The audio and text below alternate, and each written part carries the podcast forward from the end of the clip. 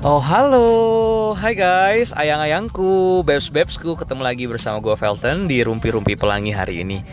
Uh, Hari ini gue lagi jalan, tepatnya gue lagi di mobil Sekarang lagi nyetir muat ke arah uh, Tanah Abang. Uh, Lagi lockdown kayak gini, sebenarnya tuh agak-agak bingung juga ya antara lockdown nggak Karena kan macet banget ya guys di jalan ini.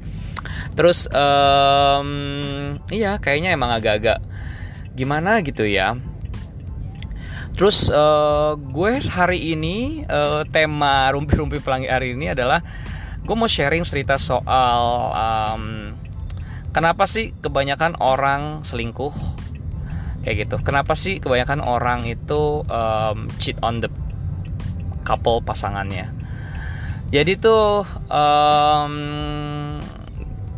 by the way gue punya pacar dan kemarin gue ada ketemu orang dan dia pun punya pacar men.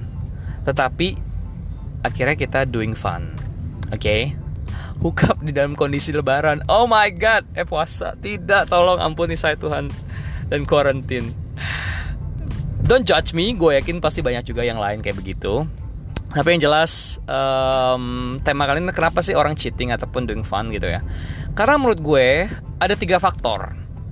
Satu mungkin basicnya dia udah agak bosen sama pasangannya ya makanya dia mulai kayak hookup ataupun chatting-chatting atau segala macam ya bosen karena mungkin juga karena hubungan pasangannya mereka udah lama which is mungkin udah 2 tahun, 3 tahun, 4 tahun, 5 tahun, bahkan 10 tahun.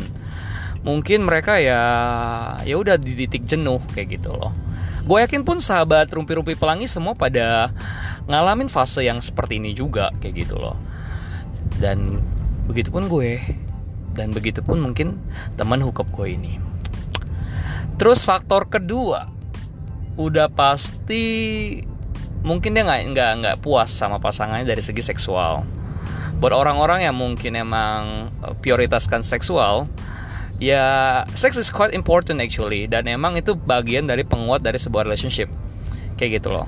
Yang seperti pembahasan podcast podcast sebelumnya kan kenapa orang masih jajan di luar walaupun dia punya pasangan ya karena mungkin emang basicnya uh, dia nemuin pasangannya itu yang kenyamannya dia tapi mungkin dari segi seksnya mereka kurang ya kan?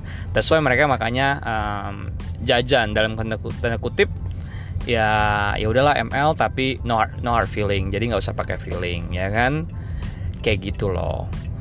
Um, faktor ketiga kenapa orang um, hookup ya?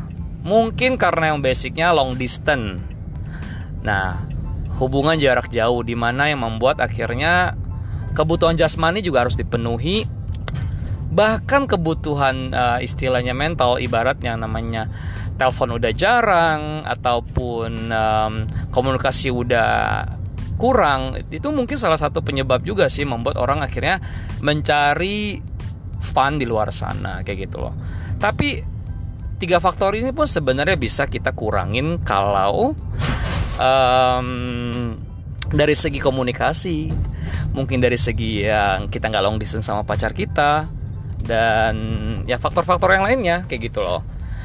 Ya itu sih yang gue mau sharing. Nah that's why dan kemarin itu gue ketemu um, temen hookup baru itu ya dia pun sekitar dia bisa dia sharing juga ke gue tentang bahwa kenapa sih ya gue fun ya which is like karena emang di faktor kedua bahwa waktu itu dia long distance sama pacarnya. And then mungkin pacarnya sibuk banget gitu loh. Bahkan pun sibuk kerja sibuk apa sibuk gimana pun. Jadi akhirnya dia mungkin mencari atensi attention ke orang lain kayak gitu. Dan mungkin juga udah pasti the person is love sex like me.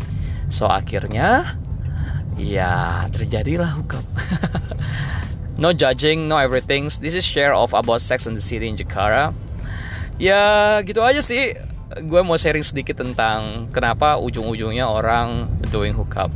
Pasti everything happen by reason dan to be honest mungkin kita nggak bisa judge pacar kita ataupun lu nggak bisa judge temen lu kalau dia mungkin doing hookup dan sharing story ke lu.